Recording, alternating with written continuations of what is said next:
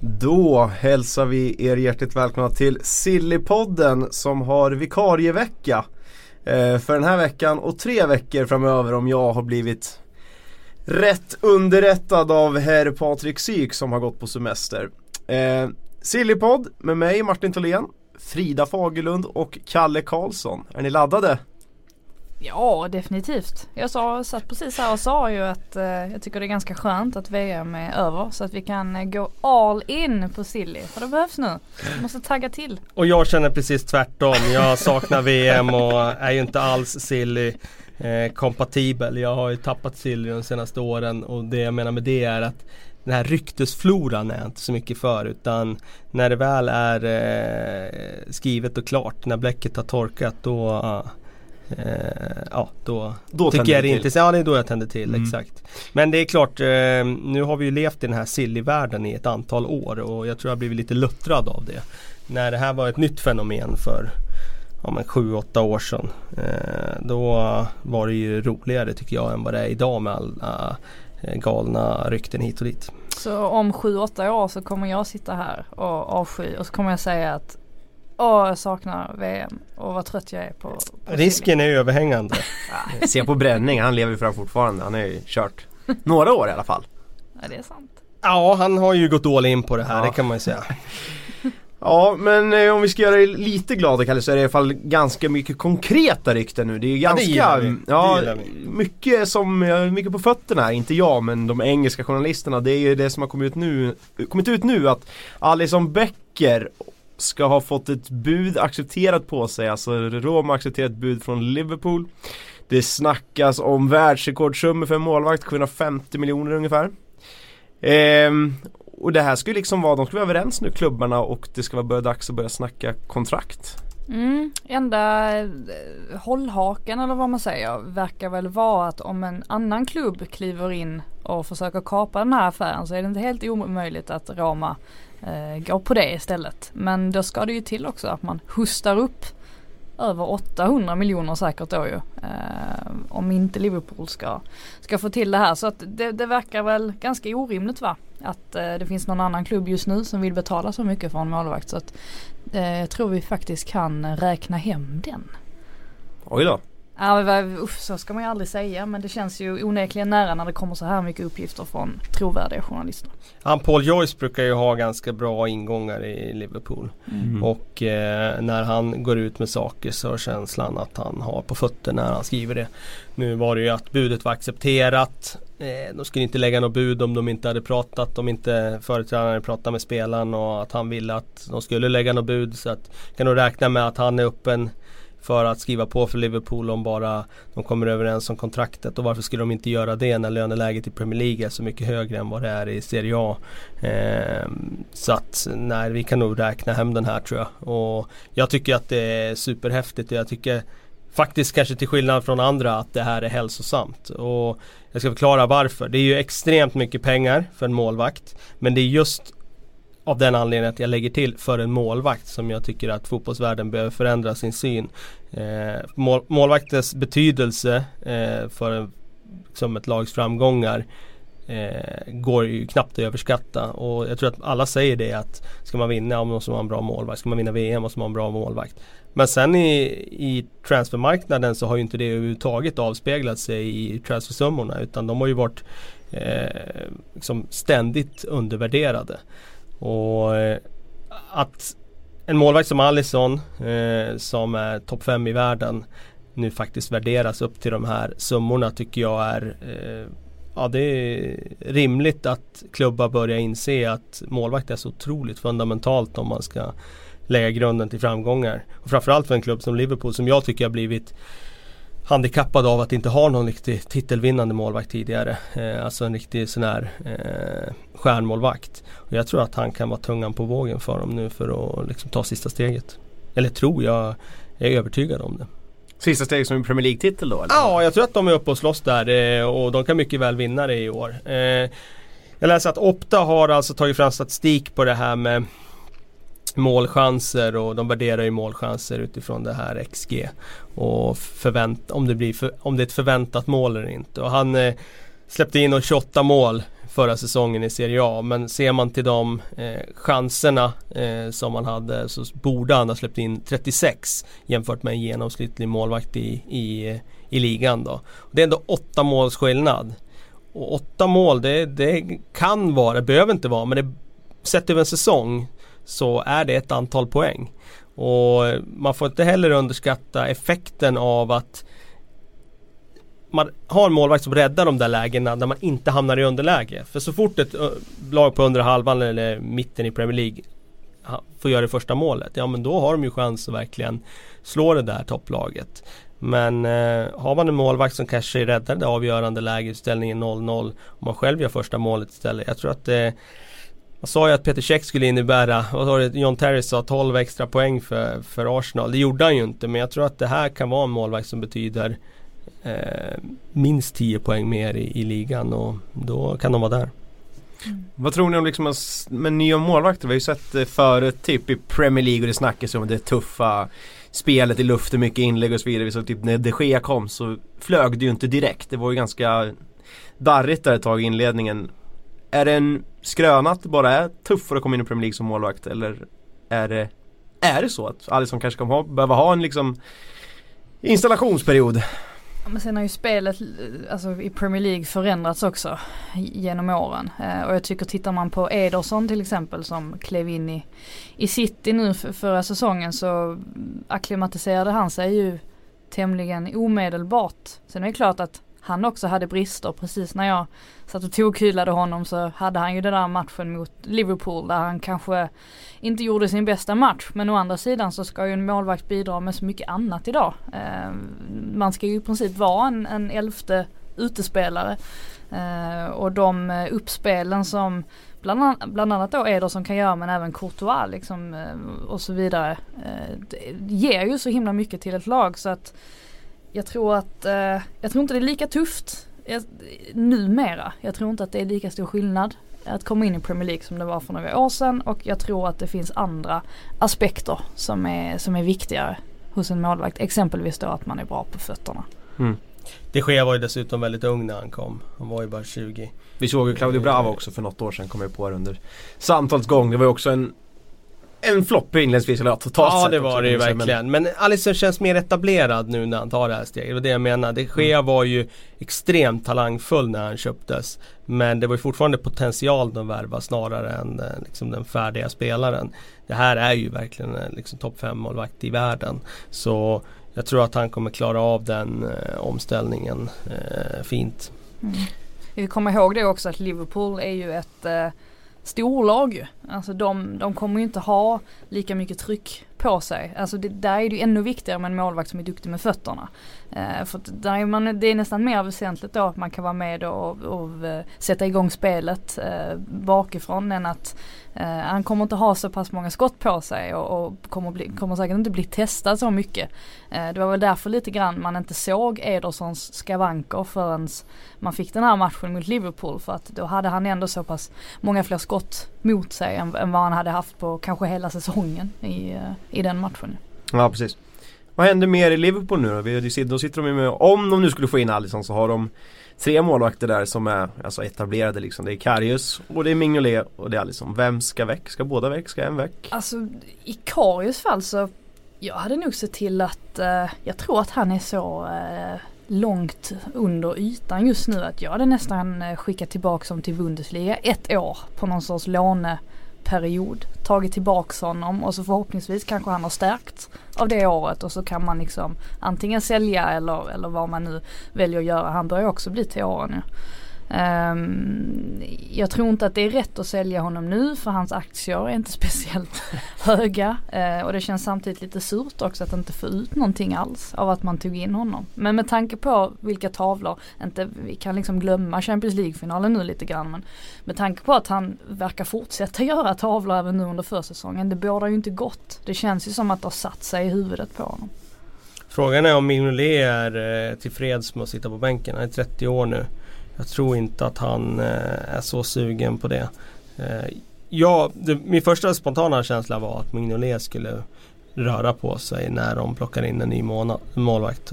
Mm. Och eh, att Karius ändå är efter det hur han avslutar förra säsongen ändå är okej okay med att hoppa ner till att vara tvåa. I alla fall ett, ett år framöver liksom. Eh, men eh, vi får se.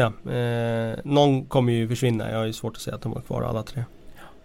Ja, för det är ju faktiskt målvaktsposten det rör sig mest just nu ute i fotbollsvärlden. Vi har ju även Courtois som ska ha att eh, Chelsea och Real Madrid säger också liksom accelererat förhandlingarna där nästan. Vissa säger till och med att det är ett accepterat bud på 350 miljoner kronor. Ska ju sägas då att summan där är ju beroende mycket på att han har ett kontrakt som går ut nästa sommar till skillnad från Alisson Becker. Um, liksom vad händer i målvaktsvärlden ser vi om nu Real skulle plocka Courtois, vem ska Chelsea ha? Vad ska hända med Navas? Jag tänker att vi ska reda ut det här nu vi tre tillsammans under en smart 10 minuters period. Oj, 10 minuter? Nej, kanske långt. 5, 7. Vi ser vart det landar.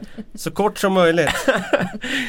Nej men vad, vad tror ni händer med i Real om nu Courtois skulle gå dit liksom? Det är svårt att se att Navas hoppar ner och blir andra slips. Mm. Eh, han har ju ändå varit en toppmålvakt i Europa de senaste åren. Varför skulle han acceptera den rollen? Eh, så i så fall blir det väl en rokad på något sätt med att han byter klubb någonstans där det finns en lucka. Eh, jag tror inte att det blir bara att de byter plats. Det vore märkligt. Jag tror inte att han eh, eh Han tror jag inte är riktigt anpassad för Premier League. Keylor Navas. Mm. Eh, jag älskar ju sådana byten. Ja, jag vet att du gillar swap deals. som typ Som i NHL. eh, men eh, det blir väl eh, Jag vill ju En sån där som Oblak vill ju jag in i den där karusellen men det verkar inte vara sådär supermycket rykten kring honom just nu I Atletico Madrid då eh, För det tycker jag är en målvakt som eh, Ja de allra största klubbarna borde titta på Ja men om man vill säga att Det blir också även Vem ska in i Chelsea då? Där har vi om, om Courtois lämnar De lär ju inte stå där med Willy Caballero Caballeros fötter endast liksom. Alltså nu har det ju liksom det här ryktet med check också. Det känns ju som att han borde ju tas tillbaka för att han ska bli andra målvakt. Det löser ju fortfarande inte första målvakt positionen. I Chelsea nej. Nej, nej precis. precis. Och vad, det är där jag inte riktigt, jag har inte hört så mycket rykten egentligen om första målvakten. Ni kanske har hört lite? Nej det har ju ploppat upp nu, det är Peter Käck som nämns men jag tror det är ett första målvaktsalternativ de snackar om. Eller även också Kasper Schmeichel nämns ju. Ja, okay. ja det känns mer, eh, det känns mer rimligt i så fall ja. Ser ni den eller Schmeichel som är första Ja, första målet i Chelsea. Absolut, det skulle jag kunna se mm. framför mig. Definitivt och det skulle i så fall öppna upp Alltså om vi tänker att Schmeichel går till Chelsea då är det helt plötsligt en öppen målvaktsplats i Leicester. Alltså man tänker på Robin Olsen som ändå letar, letar mm. klubb och det har pratats om Crystal Palace. Leicester är ju också ett ganska bra alternativ, mm. alltså en stabil mittenklubb. Uh, det hade inte varit så dumt steg uh, för honom heller. Nej. Jag tror ju inte på det, eller jag har ju hört det också, det här med Barcelona-ryktena och det, det ska ju inte en andra målvaktsplats? Nej han, han, är ju, han är ju den åldern där han vill såklart testa, testa på en, en, eh, en riktig utmaning. Alltså sitta som andra målvakt i Barcelona det är kanske härligt om du är liksom 30 bast. Jag hade inte klagat på den rollen. Nej, det beror kanske, och beror kanske lite på vad man har för ambitioner. Solen och slå lite inlägg på uppvärmningen liksom. Nej det är inte fel. Nej, men han ska sikta på en, en första målvaktsposition och har det då snackats om Crystal Palace Ja varför inte då Leicester? Om vi nu ska få igång den här mm. målvaktskarusellen. Det lär väl finnas en plats i Roma också kanske? Mm. Om Alisson lämnar. Ja det har, det, var, det väl snackats om också. Det var ju det första ryktet mm. kring Robin Olsen när det började gå riktigt bra i VM. Uh, nej vi får se. Uh, man kan ju se en sån som Jordan Pickford också efter VM bli intressant för mm. klubbar något steg upp i hierarkin. Jag såg den sjukaste faktiskt precis när vi gick in här. The Sun har sagt att han ska till Bayern München. Oj! Oj! Men jag bara tänker pengamässigt. Han måste ju vara Om vi snackar de pengarna för Allison. Men då, alltså Pickford, alltså första målvakt i engelska landslaget. Går från Everton. Det kan inte vara, det kan inte vara en liten prislapp. Nej, och de värvade honom dyrt förra säsongen också. Ja, dessutom. Ja. det är ju det där i så fall att engelska spelare är lite dyrare än andra mm. nationaliteter. Men jag tycker Alisson är bättre. Alltså, jag tycker han är eh, vassare än Pickford. Men, eh, det hjälper inte alltid. Nej, Rent det gör inte. Nej, engelska spelare har ju alltid en, ett extra premium som de snackar nu. Den här frågan kanske lämnade dig Kalle, du som är lite tränare och kan, men hur svårt är det att sätta ett försvar med en ny målvakt om vi säger att det är ja, tre, fyra stycken av Europas största klubbar som byter målvakt på en sommar så här. Alltså inte eh, så svårt eh, om man jämför med att byta ut eh, en mittback. Det är ju svårare. Eh, målvaktens roll är ju ändå eh, Visst den är integrerad med försvaret men eh, får du in en riktigt bra målvakt så ser jag inte det som att det är svårt att, att foga in honom i ditt sätt att spela utan det, det är klart att kommunikation och sånt ska stämma men eh, det, det är ingen sådär större grej. Däremot är det ju en stor skillnad om du har en målvakt som Oliver Kahn till exempel, nu tar jag ett extremexempel som verkligen styr sin backlinje eller Edwin van der Sar som verkligen organiserar det och så får du in en målvakt som är betydligt mer tystlåten och som inte har alls de organisatoriska egenskaperna, ja då kan du tappa på det sättet. Men om, du får in en likvärdig målvakt så tycker jag inte det är en sådär jättestor eh, eh, liksom, grej när man ska bygga om inför en ny säsong. Nej. Super! Om vi ska släppa målvaktsfrågan ett tag och fortsätta hålla kvar lite i Italien med tanke på Roma och sådär så är det nya rykten om Paul Pogba. Mm. Att han enligt Totosport, den Turin-baserade tidningen, vill återvända till Juventus. Och att han då ska ha tröttnat på José Mourinhos typ ledarskap, den stilen som körs i United. Ser ni att det finns liksom en Pogba på marknaden eller är det här bara hit från ingenstans eller en untouchable efter det VM han har gjort? Jag tror inte det är helt orimligt att uh, det blir en flytt men det skulle ju vara om han själv uh, flaggar för det. Uh, jag, det blir väl lite av ett misslyckande om Mourinho i och för sig släpper honom för att det var ju verkligen en prestigevärvning när den gjordes. Men han har ju inte fått ut maxkapaciteten. Vi har ju inte, det är ytterst få gånger vi har sett den där Pogba som glänste i Juventus i Manchester United. Alltså det, det, det känns som att han har, när Vidic, eh, eller Vidic, Matic, Matic. jag är för långt bak. I. När Matic värvades in så, så tänkte man ju att, ja men vad snackas det om att, men vad härligt nu kommer Pogba få en mer fri roll och eh, han kommer kunna blomma ut eh, mer offensivt. Men han har ju, det har ändå inte, det känns inte som att det har har klaffat fullt ut riktigt. Eh, det känns inte som att maxpotentialen har, har kommit ur honom tillräckligt ofta. Så av, av den anledningen, om man nu själv vill, så tror jag inte det är helt orimligt. Men han kan inte vara billig. Det lägger ju säkert mycket i att Mino är där och sonderar lite och rekar lite om det går att flytta på eh, honom. För att Känner vi honom rätt så vill han ju flytta sina spelare lite då och då för att han vet att det ramlar ner en stor slant i hans ficka. Sen tror jag att Mino är tillräckligt smart också att förstå att Mourinho är ju inte den tränaren som kommer få ut max av Pogba. Det har vi ju sett hittills att det, det, det har inte varit så och det kommer förmodligen inte bli så heller. Och då är det frågan om han eh, gör rätt som eh, är kvar där. Om det finns en risk för att han liksom slarvar bort ytterligare ett år när han nu ska stå på toppen av sin karriär. Eh, så jag tror inte alls det är omöjligt att, att han själv också blickar ja, tillbaka mot Juventus där han har upplevt sina bästa fotbollsår och som nu verkar superheta och mm. liksom redan har plockat Ronaldo och siktar mot den absoluta toppen. Eh, sen som sagt, det lär inte bli billigt i så fall. Eh, det kostar väl 1,4 var det det? 1,2 miljarder? 1,2 värvar de för mm. När, de, när han gick och ja, med tanke på att priserna bara stiger hela tiden så lär det inte bli billigt nu heller. Nej vi skulle säga det att också det som snackas om då är att Pjanic ska ut och det är liksom Manchester City det snackas mest om där. Eh, någon prislapp på 800 miljoner tror jag läst och att Pogba då skulle ersätta honom så att säga. Så ja. Men eh, hur, hur, liksom, hur troligt är det att, en, att Juventus ska genomföra två sådana supertransfers på en sommar med Ronaldo och då en eventuell Pogba? Det känns väl inte helt eh, rimligt va, att de ska ha råd med den. För det är ju en ganska saftig lön som ska till då också.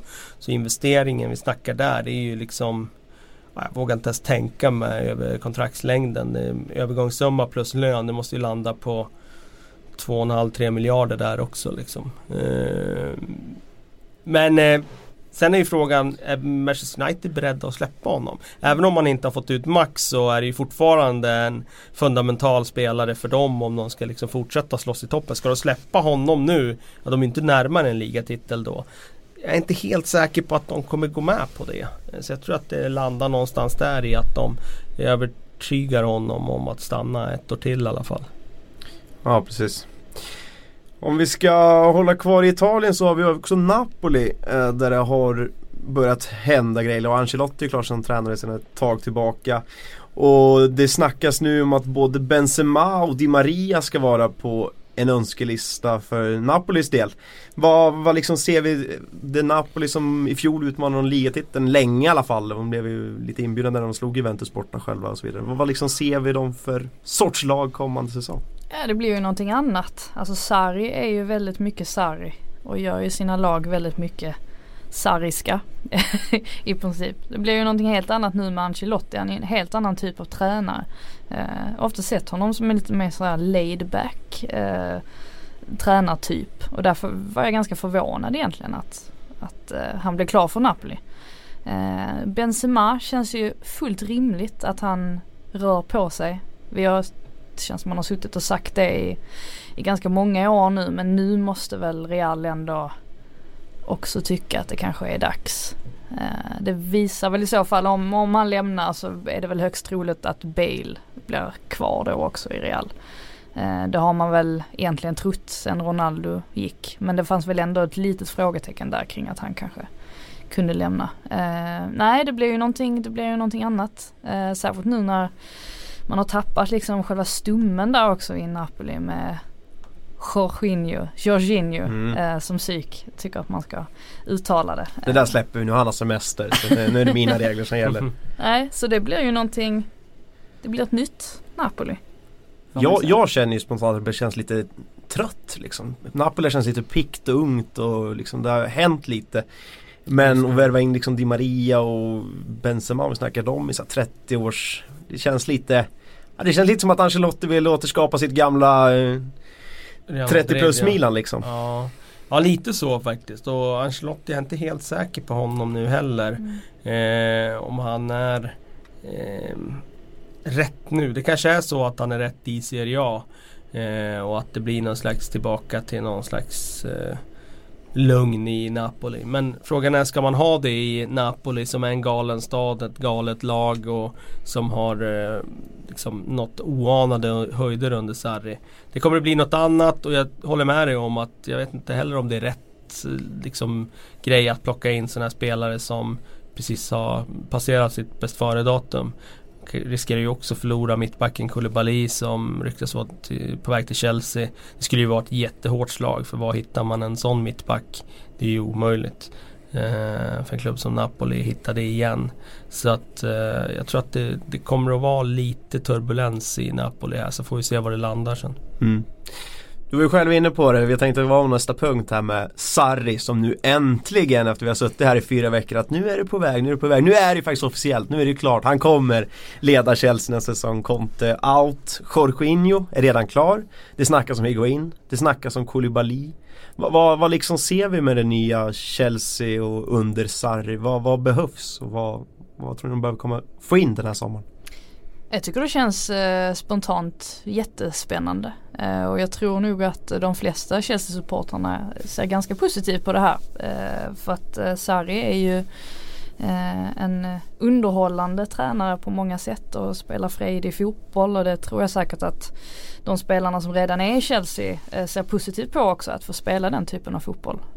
Um, Sen behöver han ju göra lite grejer nu beroende på vad som händer. Alltså Hazard har ju plötsligt hintat ganska rejält om att han ska lämna. Eh, det lär väl bli Real Madrid då som han har tjatat om själv i, i flera år. Eh, och det är såklart ett jätteavbräck att tappa den bästa spelaren och skulle då Courtois också dra, ja, då är det ytterligare ett hål att fylla.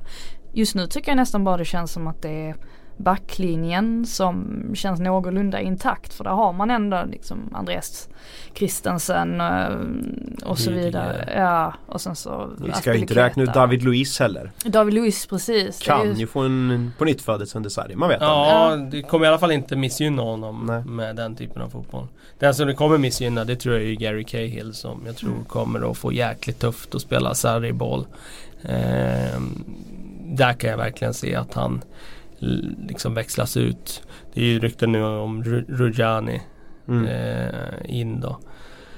Och eh, Känslan är ju att han kommer att försöka hitta spelare som verkligen passar för hans typ av fotboll och det är ju Jorginho in på mitten en fundamental värvning för att liksom bara få till det där mittfältet där de ska spela igenom hela tiden. Nu har han ju satt det på plats. Eh, han bredvid N'Golo Kanté det kommer ju vara ett av Eh, liksom Europas bästa, det utgår jag ifrån.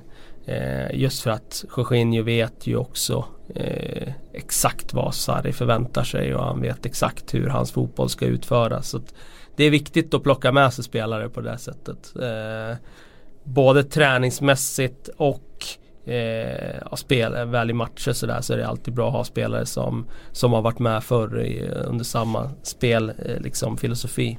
Eh, men jag tycker det är superspännande rent klubbpolitiskt den här övergången också för Chelsea har ju varit en klubb som har liksom Ja, man byter tränare som andra byter kalsonger, man eh, vinner ligan ett år och så får man gå året efter. Och nu tar man ju en tränare som inte har något track record alls på att vinna titlar. Utan egentligen bara är en tränare som är en idealist och som står för någonting helt annat. Det vill säga liksom någonstans den här fantasifotbollen som Roman Abramovic alltid har letat efter. Men aldrig riktigt hittat egentligen. Och jag älskar ju den här rekryteringen för jag tycker det ska bli så spännande att se. Men det är ju egentligen som att två helt olika världar möts här. Dels den här enorma kravbilden som finns i Chelsea mot en, en tränare som inte har liksom eh, varit pragmatisk på något sätt i, i sin tränargärning tidigare utan egentligen bara stå för någon slags eh, eh, vinna vackert. Eh, vinna absolut men helst vinna vackert och bara spela efter liksom sin egen eh, idé om hur spelet ska se ut. Eh, så att eh, det borde sluta illa. Men jag tror att också att Chelsea som klubb är på väg att förändras lite grann. Jag tror att man också har råd nu att Eh, jag tror inte att det är den här jättekatastrofen att stå utanför Champions League nu när det är sex klubbar där i toppen eh, som eh, liksom slåss om de här platserna. För det är ju två klubbar varje år som får stå utanför. Jag tror inte det är lika stor katastrof som det var för 8-9 år sedan att stå utanför Champions League.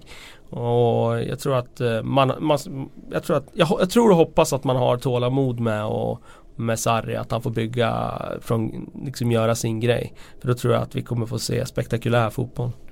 Det är ju några spelare som befinner sig i limbo också lite grann. Alltså tänker på en sån som eh, Loftus Cheek till exempel mm, som mm Eh, jo själv har gått ut och sagt att han är trött på att vara utlånad bara. Att nu får man antingen sälja honom eller satsa. Eh, antingen eller. Och frågan är då, tycker Sarri att han är en typ av spelare som han hade kunnat tänka sig satsa på. Det är ju onekligen en spännande spelare.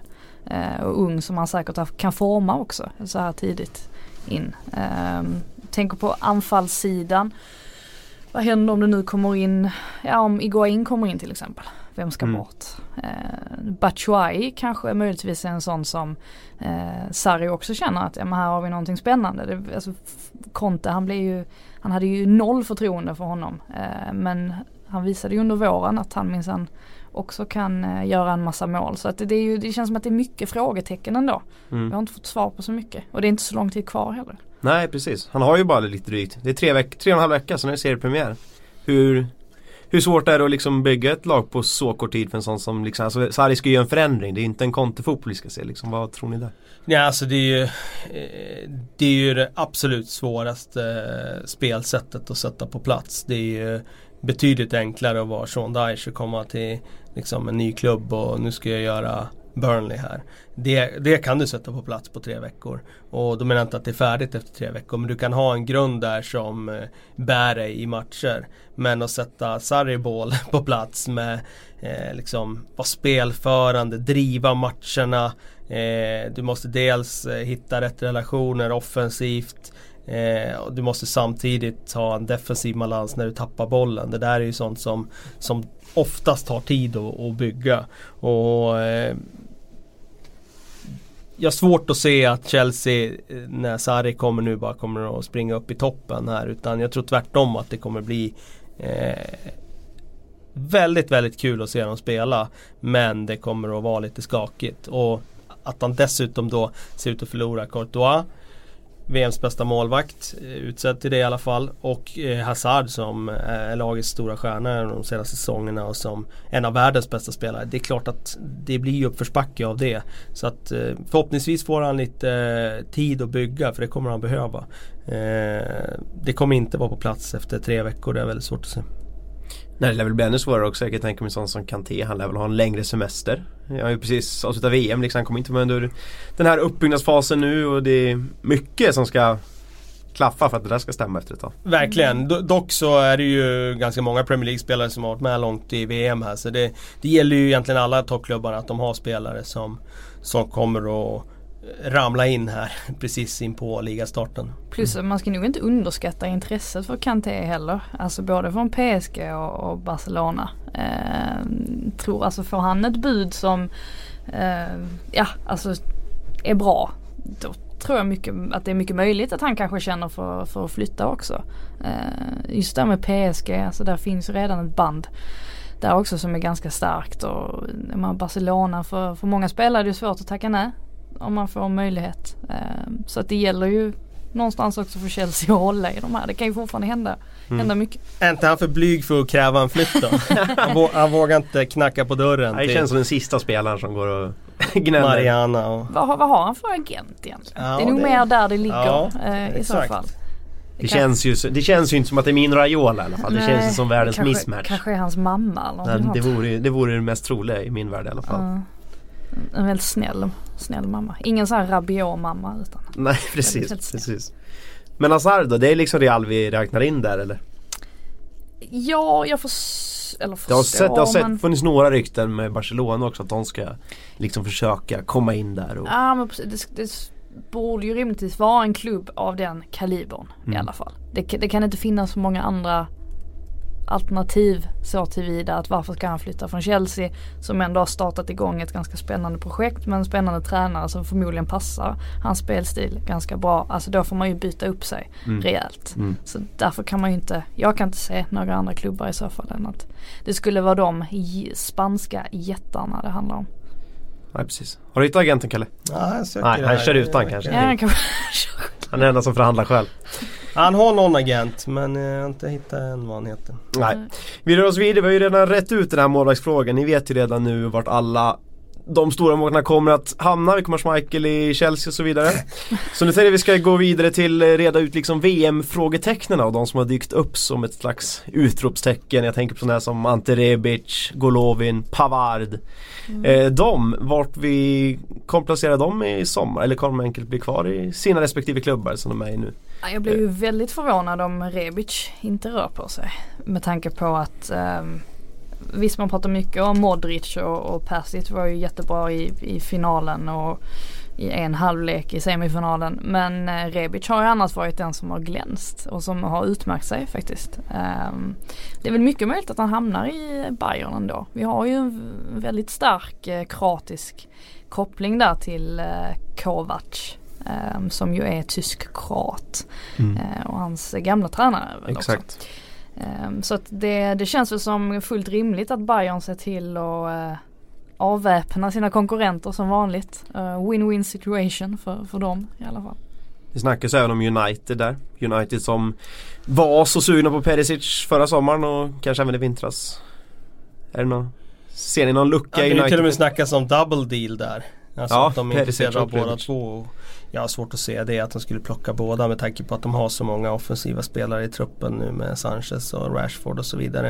Eh, men Rebic känns som en sån där eh, bra truppspelare för något av de här riktigt stora lagen. Han kommer ju definitivt acceptera och, och liksom komma lite underifrån och inte ta en starttröja i första läget. Och Visst han kommer kosta pengar men han kommer inte kosta de här sjuka pengarna eh, som vissa av de andra och så med tanke på hur bra han var i VM så, så är känslan att han kommer att få en flytt till en större klubb. Sen är det ju där har de överskattat eh, liksom honom? För att det brukar sällan vara en bra idé att köpa de här spelarna som blomstrar i ett, i ett mästerskap. Nej, precis. Eh, och jag har, jag har följt honom för dåligt eh, tidigare i hans karriär i Fiorentina och Frankfurt för att liksom veta vad han har för nivå. Med tanke på att Fiorentina hela tiden lånar ut honom så kan han ju inte ha liksom eh, rosat marknaden helt och hållet där. Så att eh, ah, jag, jag tror att han kommer få en flytt. Sen vet jag inte om det är eh, rätt karriärsteg för honom egentligen. Nej nu ska vi inte, jag, jag var inne och kollade på Transfermarkt, de har gjort någon sån här Spelarna som har stigit mest i värde efter VM Alltså från det att VM började till det att VM avslutade. Då var Rebic den som har gått mest. Från 30 miljoner euro upp till 50 tror jag. Okay. Eh, alltså för insatserna. Är han värd 50 miljoner euro?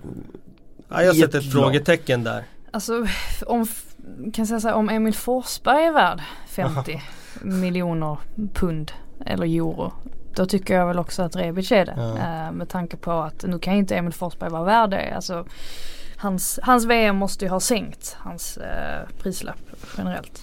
Mm. Men det är lite svårt sådär med Bundesliga också. Den går fortfarande lite under radarn eh, på något sätt.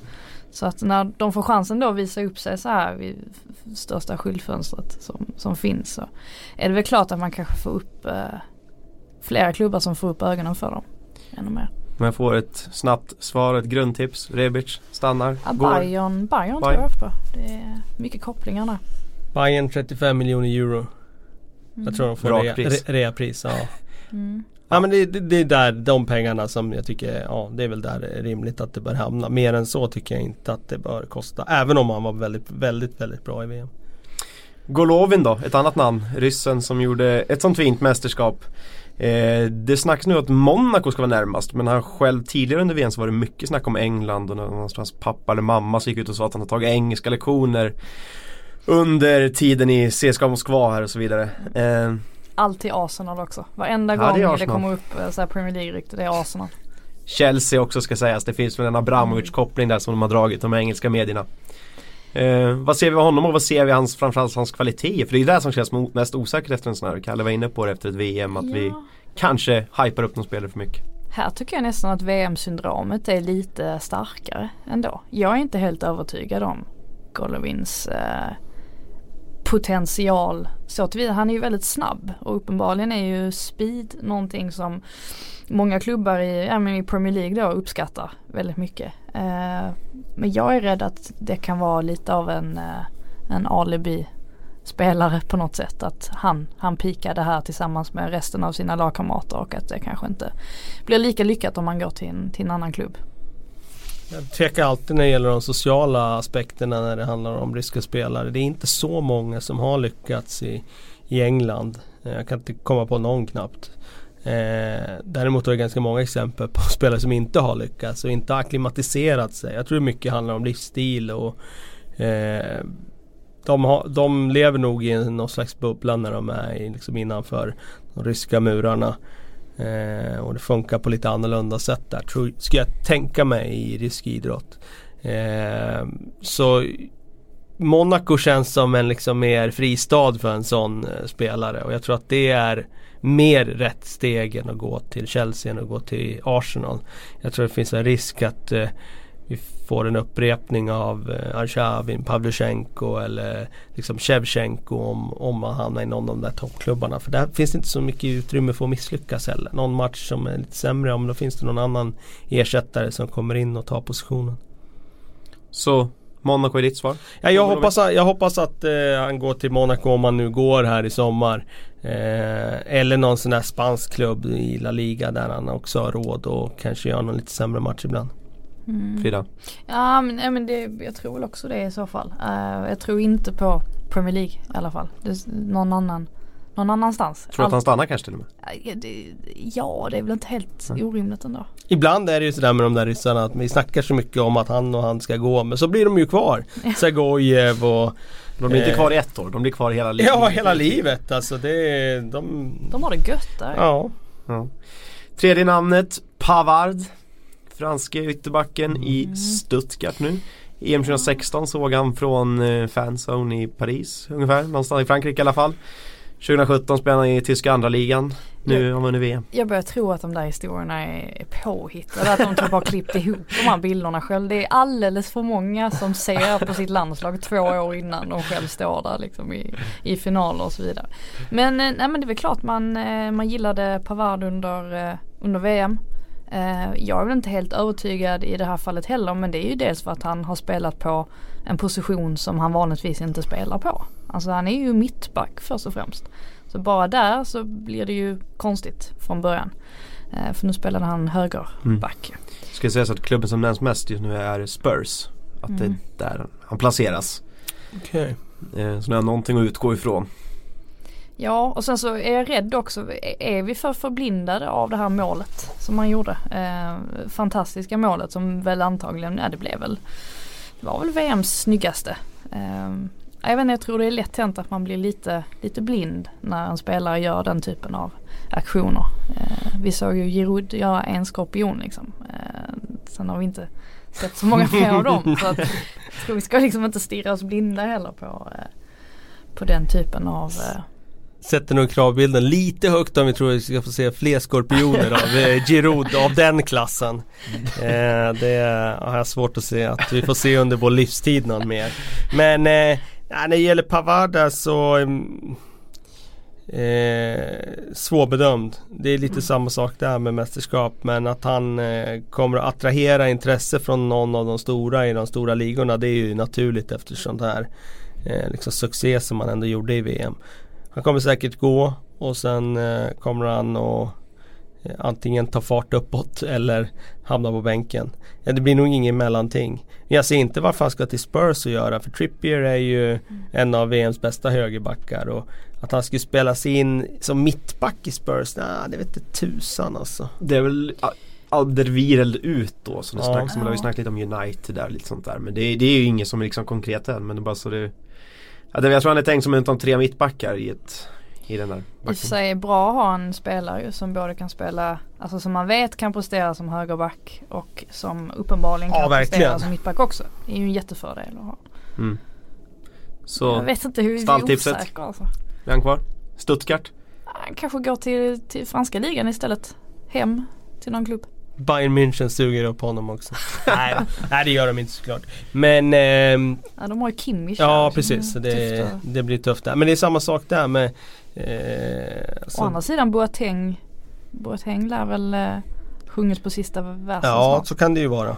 Men som sagt, jag, ja, jag har inte sett honom som mittback så att jag har bara sett honom som högerback. Och, utan att ha sett honom som mittback så sätter jag ett frågetecken kring om, hur, liksom, om man är liksom, svaret för de största klubbarna som mittback. Mm. En mittback det annars snackas om också från VM, Domagoj Vida. Eh, knappast mm. någon som storklubbarna var ute efter inför VM men efter VM så är han helt plötsligt stekhet. Nej, Besiktas gjorde ju en superdeal där som värvade han på free transfer i januari. Det är ju bara att lyfta på hatten alltså gratisvärvning av en eh, spelare som sen gör succé i VM ett halvår senare eller fem månader senare och sen är värd ja, 20-25 miljoner, 30 miljoner euro. Det är bara gratulera. Ja, det snackas alltså om Liverpool, Sevilla, Atletico Madrid. Det är de som nämns allra mest kring honom. Är han, är han, är han så bra att han ska vara en, en, en sån klubb? Jag tyckte han var grym under VM. Eh, tyckte Lovren också var, var grym. Eh, han var ju bästa mittbacken i världen helt han själv. Sa väl något sånt. han sa det? Ja. Åh oh, herregud. Uh, ja, uh, nej men visst mycket möjligt. han sa väl att han var en av dem bästa? Nej en utav dem, okej. Okay, ja, vet. jag tänker Varann var, var ju ganska svår att peta honom på något sätt från den tronen. Men absolut, Lovren var, var också väldigt, väldigt bra. Um, det är väl inte helt orimligt jag tror att han hade gått in i eh, ganska många klubbar. Um, känns uh, man är stor och stark och um, ser liksom inga, inga bekymmer heller att han inte skulle klara av det eller sådär. Så jag tycker, nej. Jag är redo att gå in i ett Liverpool, ett Atletico Madrid som en topp två startande mittbackar. De har ju två alldeles utomordentligt bra mittbackar så det är svårt att säga att de petar någon av dem vet inte om de har råd heller att ha en så högprofilerad spelare som tredje mittback. Det är ju klart lyx om man har det. Eh, där tror jag han skulle passa väldigt bra dock. För de spelar lite lägre. Och jag tror att den enda svagheten han har det är om han spelar en lite högre backlinje. Eh, och det kommer in liksom snabbhet bakom honom. Men får han stå lågt och nicka undan då kan han nog vara en Jimenez eller en Godin light. Och jag tycker ju Liverpool ibland spelar rätt lågt. Alltså de varierar ju mellan och jagar där framme. Men när de väl har sin ledning så brukar de ju som många andra liksom falla ganska lågt. Så jag tror att så länge han får göra det i Liverpool då tror jag han grejar en mittbacksplats där. Eh, så att eh, jag tror att han är redo för att ingå i en trupp på den här nivån som det spekuleras i. Och sen om han är startspelare eller inte det, det sätter jag ju ett litet frågetecken kring. Men att han är med där och, och slåss om en tröja det tror jag. Vad hade Lovren sagt om de hade värvat in Vida och han hade gått rakt in i startelvan bredvid van Dijk. Det är inte van Dijk som ryker om, om Nej, skulle det komma ju in. Matip Matip det. där, har de ju också ska vi komma ihåg. Ja, Ja fast han har ju halkat bak lite. Så det är ändå Lovren och van Dijk som är etta och tvåa där. Och, Så det blir ju i så fall, precis som du säger Frida, då blir det ju Lovren själv som får liksom flytta på sig om nu Vida skulle komma in och vara jättebra. Men eh, man flyttar ju inte på en av världens bästa mittbackar. Så att, eh, det, Nej det gör man ju inte. Om vi får ett snabbt tips då. Vida, var spelar han första september? Ja men säg att Atletico köper honom då och börjar växla ut Godin här. eh, Jag vet inte vad hans ålder är Godin riktigt men han kan inte ha så många år kvar Nej. på toppen. Mm, nej men det känns väl fullt rimligt. För övrigt Atletico känns som att de eh, de har verkligen lyckats hålla kvar många av sina spelare. Alltså det, dels så Griezmann väldigt tidigt där gick ut och gjorde statement att han stannar.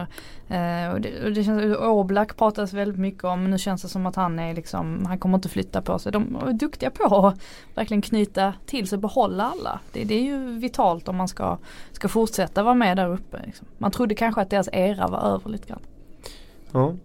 Om vi ska hålla kvar vid efter VM, om vi ska ta de svenska spelarna då. Nu har vi liksom Oh. Mästerskapet avslutat. Det är inte så det cirkulerar rykten på rykten på rykten om så många spelare förutom Robin Olsen. Men liksom vad, vad tror vi kommer hända om vi börjar med en sån som Ludvig Augustinsson till exempel. Blir han kvar? Kommer han lämna? Mm. Werder Bremen gjorde ändå ett ganska fint VM och varit med i lite så här snack om något en bänkplats i drömlag bakom Lucas Hernandez till exempel och så vidare. I, från VM alltså. Ja, men ska han verkligen Ska han verkligen nöja sig med att vara nummer två också? Det är ändå en ung En ung spelare. Alltså han borde ju få spela, han borde ju vara första val i en klubb. Sen snackas väl mycket om Fulham till exempel. Och hade jag varit eh, spelare och fått Fulham eh, på eh, tråden då hade jag nästan gjort den övergången. För jösses vilket lag de håller på att få ihop för att vara nykomling i Premier League. Det är, inget, det är inte dåligt. Eh, jag tror någonstans att han blir kvar ändå. Ehm, jag vet inte, jag tror han trivs bra där. Nu kommer eh, Felix Beijmo in också.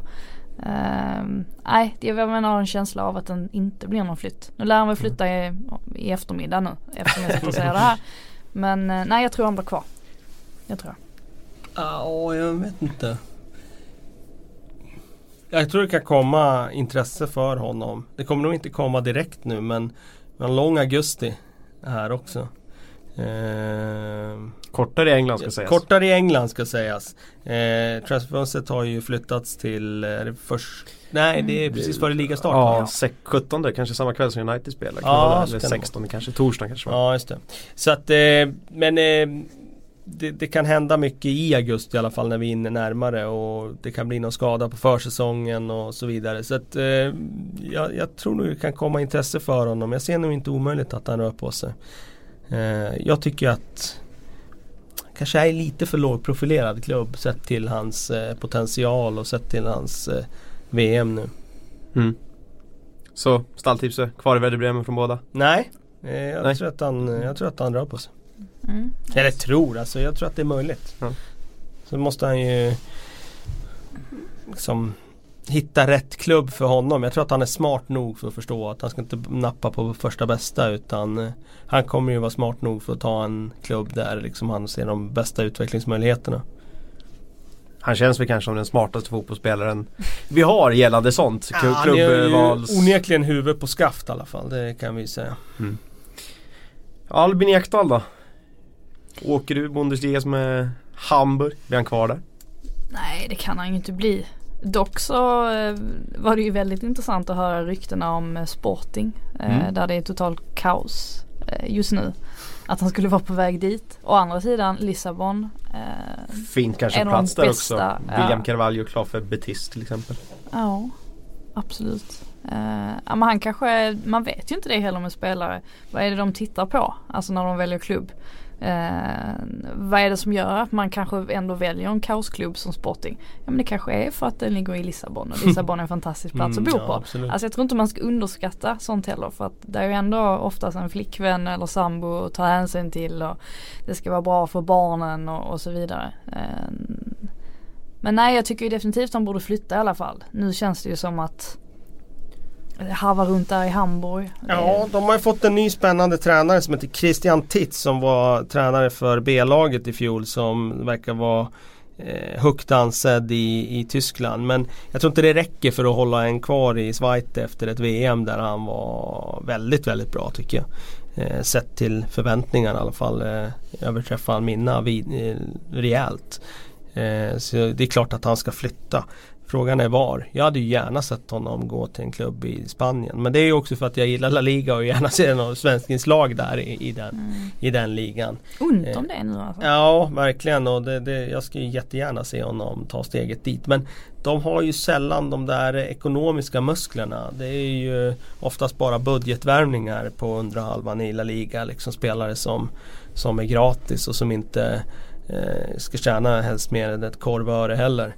Så det är nog inte omöjligt att det blir något sådär Portugal som ni är inne på där och, och ta det. Annars så. är det sådana här Cagliari och Bologna tror jag sett också liksom. Typ ja. Udinese kanske. Också. Ja precis, eller tillbaka till Serie A då. Det är väl inte omöjligt. Nej, sen är det ju fullt rimligt också med tanke på hans enorma skadehistorik att priset möjligtvis sänks lite då. Eh, för att man får ju en halv spelare som sällan kan göra 90 minuter eh, utan att eh, gå sönder lite lite grann. Um, så att det kan säkert också spela in när det kommer till prisaspekt. Mm. Den på förhand kanske mest spännande då men den på efterhand kanske, jag vet inte, känns inte så hett längre. Emil Forsberg. Uh. Var det inte, du hoppades att han skulle så här, slå igenom? Ja, slå igenom och få den här, jag såg ju ett Arsenal kanske, det hade varit riktigt spännande. Eller mm. Atletico Madrid eller ja det snackas Juventus men där ser jag ingen riktig plats för honom. Men eh, jag hade hoppats på någonting större än RB Leipzig. Det är oroväckande med tanke på vilken hype det ändå fanns kring honom förra sommaren. Uh, och där kändes det som att en sån som uh, Naby Keita var, var ganska smart ändå som, som ordnade, ordnade det för sig uh, med Liverpool. Liksom när hypen var som störst kring RB Leipzig och det har inte varit på samma nivå den här säs gångna säsongen. Och särskilt då att Emil var borta så mycket under våren och sen så gör han ett VM som dessutom är alltså, liksom inget gav inget intryck överhuvudtaget. Han ökar inte sina aktier. Eh, från att man har pratat om ganska stora klubbar i Premier League och sådär känns det som att nu har vi hoppat ner ett hack. Det blir ju ingen jätteklubb det här. Eh, men det lär väl bli en flytt. Det känns ju som att han redan har packat väskorna. Liksom. Han bara sitter och väntar på att någonting ska hända. Ja, alltså med tanke på hur sugen han var på att flytta redan förra sommaren, fick inte den flytten. Den här säsongen blev ju inte som han hade hoppats. Han spelades inte riktigt i den positionen som han ville ha. Svagt VM. Alltså nu behöver ju han en ny start. Och jag kan ju inte se någonting annat än att han kommer trycka på riktigt, riktigt rejält för en flytt om det inte blir något här. Hans problem är ju det som du är inne på att det kommer ju inte vara den där eh, gräddan som är och rycker i honom nu som det kändes som att det var för, för ett år sedan. Sen är frågan, hade den där flytten till Liverpool i fjol så att han har gjort den för ett år sedan, hade det varit det rätta? De hade Mané, Salah, mm. Firmino. Mm. Alltså, var ska han in i leken där? Alltså, det hade ju varit en bänkplats där. Eh, och då hade han kommit till VM och suttit på bänk och ja, man vet inte om det hade varit rätt heller. Men jag håller med dig om att det hade gjort fördelaktigt för honom att säkra den där flytten. Spela kvar i Leipzig som Naby Keita gjorde. För då hade han ju mm. varit säker på att få den. Och GIF Sundsvall hade skrattat hela vägen till banken. Det gör de ju inte på samma sätt nu. För att den där Övergångssumman har väl kapats nu med 152 miljoner efter VM och den här säsongen ja, känns det som. Man skrattar rätt rejält över att de satte honom i pant. Eh, för eh, som de gick ut och sa var det i höstas. Mm. Eh, utan hans vetskap va? Ja utan hans vetskap. Det var ju, det var ju helt absurt. Eh, han kommenterar ju det själv och tyckte liksom det här är inte okej. Okay. Eh, nej man ser då hur snabbt det kan gå ändå. Eh, å andra sidan, alltså, på tal om Liverpool och sådär så precis bakom de här som ändå har en startplats så är det ju ganska öppet ändå. Om man tänker en Sol Solanke, jag tycker han har Alltså han har inte tagit några kliv under den här säsongen de gångerna han Nej men nu kommer ju Shakiri in. Jo precis, nu är det redan, nu är det redan fyllt eh, där kanske till viss del. Ja, det eh, tror Det snackas mest, eller snack, det snackas ju knappt någonting med Forsberg men det har ju varit Everton har ju dykt upp som något sånt här. okej. Det är ju lite de här allt mirror och okej. det är ju den, dens nivå, det är inte något de, bord på de, budet, så De chansar ju vilt. Ja. Förra sommaren var det Liverpool, ah, nu är inte de Ja. intresserade. Ja men då hoppar vi ner ett hack här i samma stad. Ja men eh, Då kör vi Everton istället. Eh, ja det är ju en annan sak såklart. Det hade ju såklart varit eh, fullt rimligt.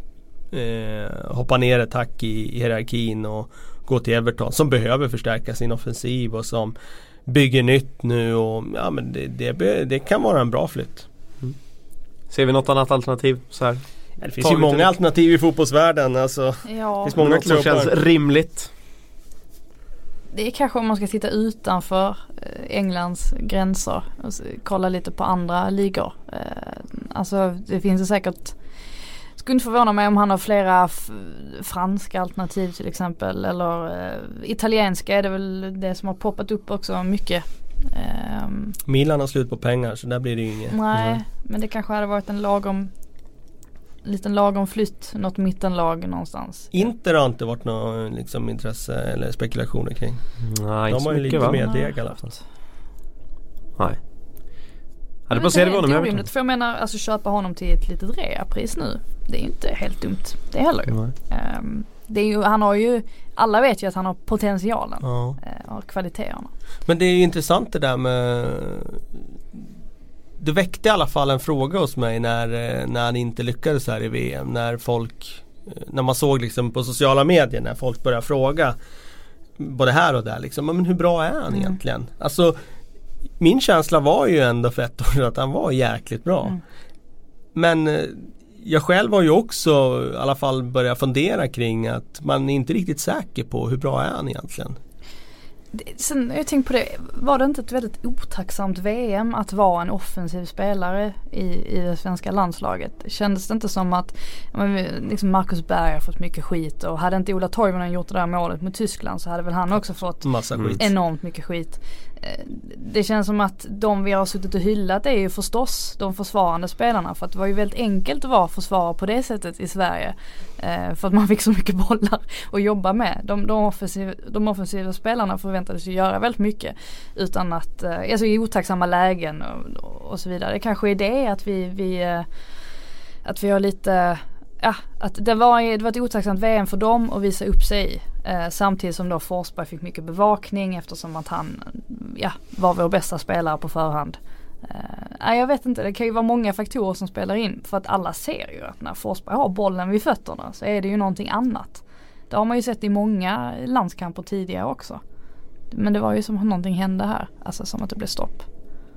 Det kanske är svårt att leverera, det var ju samma sak under EM, det var också ett misslyckande. Och nu VM. Turneringar sådär och bygga upp sitt eget varumärke kanske inte hans grej. Jag vet inte. Ja, han lider av Rooney-sjukan där kanske. Jag vet Mm. inte. Eh, det var ju ett otacksamt VM på, på så sätt som du beskriver. Framförallt tror jag för Marcus Berg och Ola Toivonen. Inte lika mycket för yttermittfältarna. För om man tittar på en sån som Klasen så gör han ett väldigt bra mästerskap.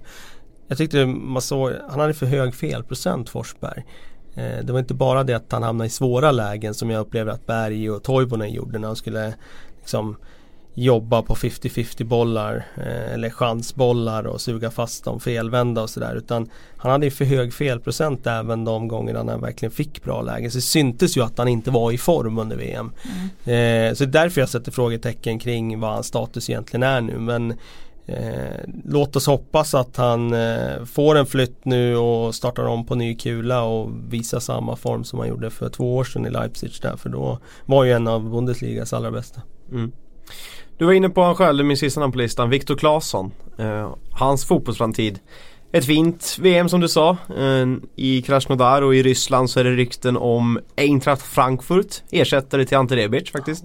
Eh, Werder Bremen har det snackats om också och även Swansea. Jag vet inte om det är någon Graham Potter koppling där eller inte. Men det är de, det är de tre klubbar som har Det nämnts. var inte jättehett alltså. Nej, Det- nej men det är ju det är flytthett. Det kan ju bli någonting annat än Krasnodar. Men Swansea och sen hä- hänga med Potter upp i Premier League då, Mm. då eh, kan det ju vara jackpot om ett år. Men det är inga andra klubbar alltså utanför de där som rycker i honom? Alltså. Inte vad jag har sett de senaste jag dagarna det skulle i vara ännu mer rykten kring honom. För han dök ju upp lite här och där får man ändå säga. Det var inte bara vi i Sverige som noterade hans framfart utan även internationell press. Eh, var det ju faktiskt så att han var eh, liksom eh, uppmärksammad i internationella medier för hans insatser och han var med på någon slags eh, stjärnskotten i VM och sånt där. Precis. Och det brukar ju faktiskt vara så att då brukar det bli rätt mycket klubbar som ställer sig på kö i alla fall att de är med i rykteshögen. Eh, högen. Men eh, det där var inte så sexigt. Nej verkligen inte. Det var därför jag var så förvånad. Sen är man ju väldigt eh, färgad av det här med Graham Potter till Swansea men man vet ju om att det är väldigt spännande. Alltså alla spelare som går dit kommer ju få en tränare som mycket väl kan, kan hjälpa dem att ta nästa steg. Alltså han är ju, han är ju så pass eh, kompetent. Eh, Så att det är klart att eh, Swansea hade varit väldigt intressant och jösses vad många svenskar vi hade haft där då höll jag på att säga. Eh, tre, det är inte jättemycket. Fyra va? Om Fyra? Nordfeldt, Martin Olsson, Ja, Asoro. nog, jag Ja. tänker inte på Nord. Nej, han är andremålvakt där. Fast inte nu längre. Nej, nu har ju Fabianski lämnat Ja, så att, eh, nej det är väl klart att det hade varit intressant. Tänkte ni på det också att um, Claessons sämsta match i VM det var ju egentligen mot Schweiz där Emil Forsberg gjorde sin bästa insats. Det var också sådär liksom man noterade Mm. att de var aldrig bra Ja, samtidigt. det. de var alltid bra var för sig. Och det var ju nästan Viktor Claessons fel att, att Lustig blev avstängd där också. Det var ju han Just som det, slog tappa bollen. Ja. Ja, de kunde liksom, tänk om vi hade fått dem att pika samtidigt. Men det kanske Mm. hade att göra med bevakning och sådär också. Då hade Viktor Claesson helt plötsligt blivit lite mer upp. Eller en Perisic-utväxling på Emil Forsberg. Ja, det hade, Det hade man ju sagt. Ja. Ja, ja, men då har vi rätt ut fotbollsframtiden för eh, VM-spelarna. Eh, det är knappt så vi börjar ta några frågor, men vi tar väl några för att göra alla glada. Ska göra alla glada måste vi ta alla frågor. Ah, ja, men vi, vi tar dem som eh, vi känner för. De som är bra helt enkelt. Ja, precis.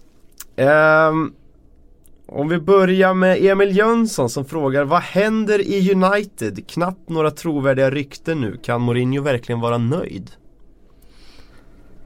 Eh, jag tror aldrig Mourinho är nöjd generellt. Eh, men jag undrar väl lite också vad man tänker på. Det beror ju väldigt mycket på vad som händer också. Alltså vi, vi har suttit här och snackat om Pogba och sådär. Och skulle han lämna, ja men då kanske man måste täppa till det hålet på något sätt.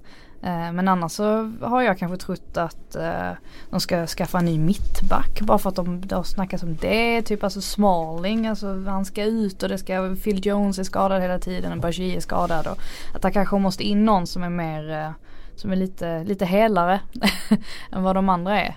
Och vad händer med Luke Shaw liksom? Ska, de, ska han dumpa honom eller ska han ge honom en chans på vänsterbacken? Ska han fortsätta med Ashley Young? Alltså ska Luke Shaw hade ju kommit mycket- tillbaka till försäsongen här, jag flickar bara in det. Att, Mm. eh, han har ju varit bäst av alla på fystesterna. Exakt, Det var ju lite av en chock. faktiskt. Ja. Eh, så han kanske gör en sista liksom, beslutsam satsning här och Mm. försöka visa Mourinho att han är första valet där. Mm. Jag tror väl någonstans ändå att har, har Mourinho bestämt sig. Jag tror han har oerhört svårt att, ändra sig, ändra sin uppfattning. Um, Martial är man ju lite förvånad ändå av att han är kvar. Um, då Än så måste länge. ju, än så länge, det kan hända mycket. Men om han blir kvar då måste han ju ha fått något Alltså blivit lovad någonting. Alltså han kan ju inte vara nöjd med om det blir en liknande säsong. Likt den, likt den gångna. Eh, där han liksom inte var viktig alls knappt i, i laget. Trots att han var hur bra som helst egentligen inledningsvis på säsongen. Ehm, nej, och, och vad, är det, det är rätt, eh, det känns väldigt öppet i United just nu. Det känns inte som man vet riktigt vad, De gjorde ju lite business i januari där och fick in Alexis Sanchez. Eh, jag tror att de är nöjda med offensiven i stort. Förutom på att de ska in en ytter. Eh, och om det är Perisic eller om det är Rebic eller vem det nu är. Men en ytter ska de ha in där. Det, det tror jag. Och då tror jag också Martial kommer att eh, liksom Men det måste vara till Men- höger då. För sen Ja, till vänster precis. tippar det ju över man bara alla vänster, Ja. vänstermittfältare liksom. Ja precis. Eh, och Sen tror jag att de kommer vara intresserade av vad det finns på mittbacksidan. Eh, Harry Maguire. Ja precis, det är ju en av dem som det har ryktats om. Men vem det är, om det är han eller om det är Bonucci eller vem det är. Men någon i alla fall, där tror jag att i alla fall de kommer liksom överväga. Högerback har de ju i Valencia, vänsterback verkar ju som att Ashley Young och Shaw är valen då. och centralt mittfält där tror jag som sagt Pogba blir kvar och Matic, Herrera. De har ju liksom mm. alternativ där. Och då är det mittbacksidan där jag tror att de vill ha Bailly som är skadekänslig. Lindelöf och en till.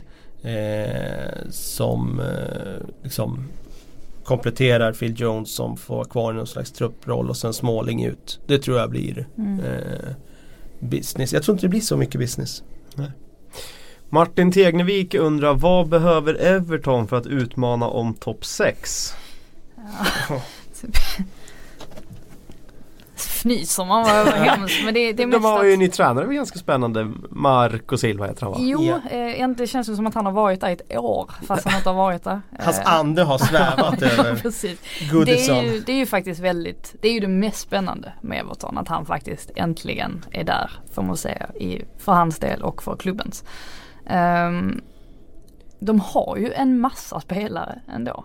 Uh, spelare också som, uh, som floppade totalt Eh, Eh, det kan ju ha berott på, på andra grejer. Det kan ju ha berott på att de liksom var, var nya, de behöver lite tid för att komma in i det. De kanske behöver en tränare som Marcus Silva som är väldigt duktig på på att utveckla spelare och höja dem och, och så vidare. Så att jag tror inte att det kommer bli så mycket business där egentligen. De har ju faktiskt ett hyfsat spelarmaterial. Det är väl i så fall kanske, kanske eh, om då, ja, en ny mittback möjligtvis. Jag tyckte där, där svajade en del. Eh, Jagielka börjar väl bli gammal va? Ja.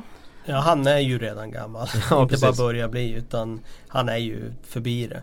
Men Michael Keane tror jag nog att de tänker själva att eh, han, han kan betydligt bättre än vad han visade mm, förra precis. året. Och han kommer nog göra, eh, ta kliv i rätt riktning i år. Det är svårt att se att han inte skulle göra. Eh, alternativet skulle vara att han gör en Roger Johnson och går från att vara en sensationsmittback i Birmingham till att spela korpfotboll några år senare. Eh, de tog ju in Sankt Tusun också där i, i, januari var det va? Mm. Och som eh, faktiskt bra. när han varvade upp så var han ju väldigt bra och gjorde en del mål. Och han kommer ju att leda anfallet nu. De har ju tappat Wayne Rooney och jag tror inte att det är så jättetapp i allround-spelet så för han har lite eh, ja, lite svagheter här och där och han har ganska hög felprocent. Men på något sätt så han gjorde väl ändå 10 mål eller något sånt där mm. förra året. Eh, och det är ändå 10 mål som ska ersättas. Det var lagets bästa målgörare. Om jag inte minns helt fel. Och det, mm. ja, det är bra på fasta situationer. Eh, sådär. Så att, eh, jag tror att det är rätt mycket som ska till om de ska upp och utmana på topp 6. Då tror jag att, det, att de, om de tar det klivet då handlar det mer om att något av topp 6-lagen faller ur snarare än att Everton gör en supersäsong och tar 75 poäng. Det ser jag inte framför mig. Nej. Jonathan Winterström frågar Försvinner Lewandowski till Real Madrid och vem ersätter i så fall? Morata Benzema nämner han. Ja, han var ju inte heller någon spelare som ökade sitt, sitt värde under VM. Det gjorde väl ingen i Polen eh, säkerligen. Men eh, det behöver han kanske inte med tanke på att han ändå är ett tillräckligt etablerat namn. Eh, jag trodde väl mer på en real flytt innan VM. Nu tror jag inte sådär jättemycket på det längre. Eh, jag trodde det skulle bli någon sorts, eftersom att Bale ryktades i Bayern så tänkte jag mig det kanske bara är för att jag har en grej för swap deals men jag tänkte mig en swap deal där mellan Lewandowski och Bale. På något sätt. Ehm, å andra sidan prislappen den var, den var ju ganska öppen innan VM. Nu lär den väl ha sjunkit lite grann. Vilket möjligen kan öppna för att det ändå blir en flytt. Eh, men visst, eftersom Benzema säkerligen sticker så kanske de, ja men det hänger nog rätt mycket på Hazard och, och, och så. Mm.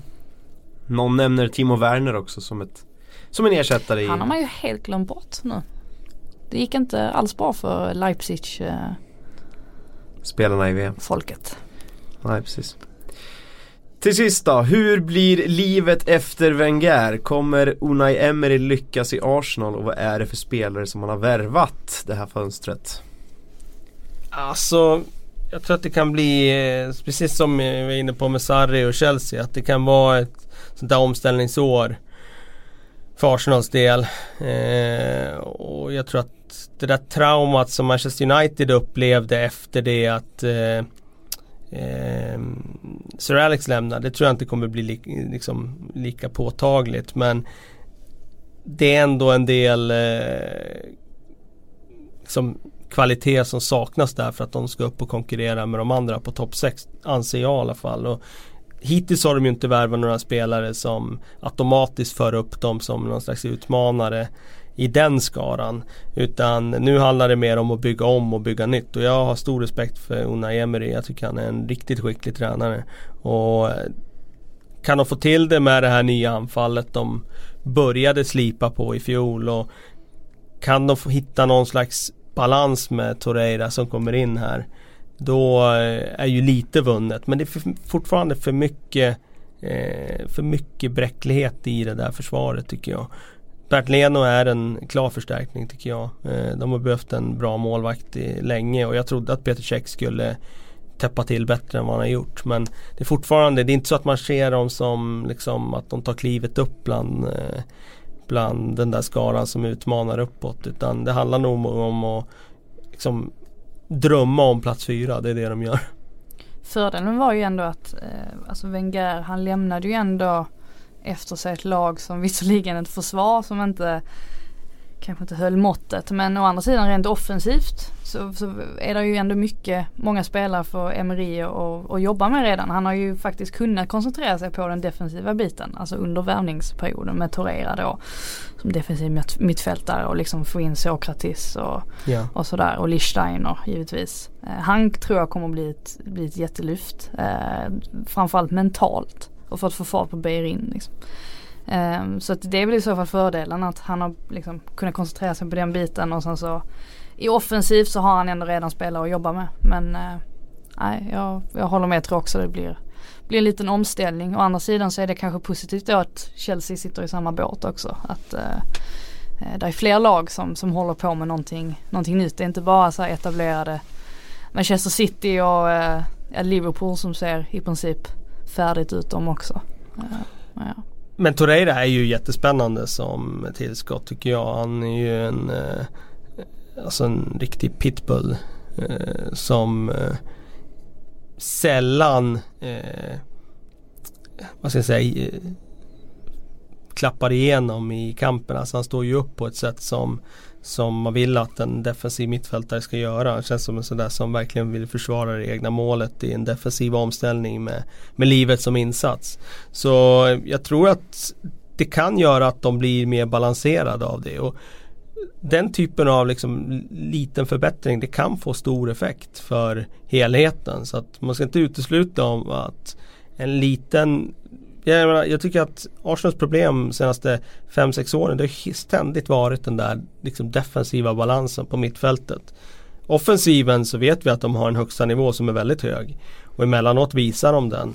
Och kan de bara hitta den där balansen på mittfältet så tror jag att det kommer underlätta väldigt mycket för den där backlinjen. Och nu kommer ju Sokrates in också som en kompromisslös försvarare som har fysik och som eh, mycket väl kommer kunna göra avtryck i Premier League. Så att eh, mycket handlar om det där mittfältet. Får de, får de eh, kontroll på det defensivt då tror jag att de kan förbättra sig. Sen får vi se vad det räcker till. Samma frågetecken som varje år alltså när det gäller Arsenal inför säsongen. Eh, med det säger vi väl tack för den här gången. Eh, vi ska tillbaka om en eh, vecka ungefär. Det skulle ha gått på tisdag Sillypodden men blev en onsdag den här gången. Får be om ursäkt för det. Eh, stort tack för att ni har lyssnat. Vi hörs.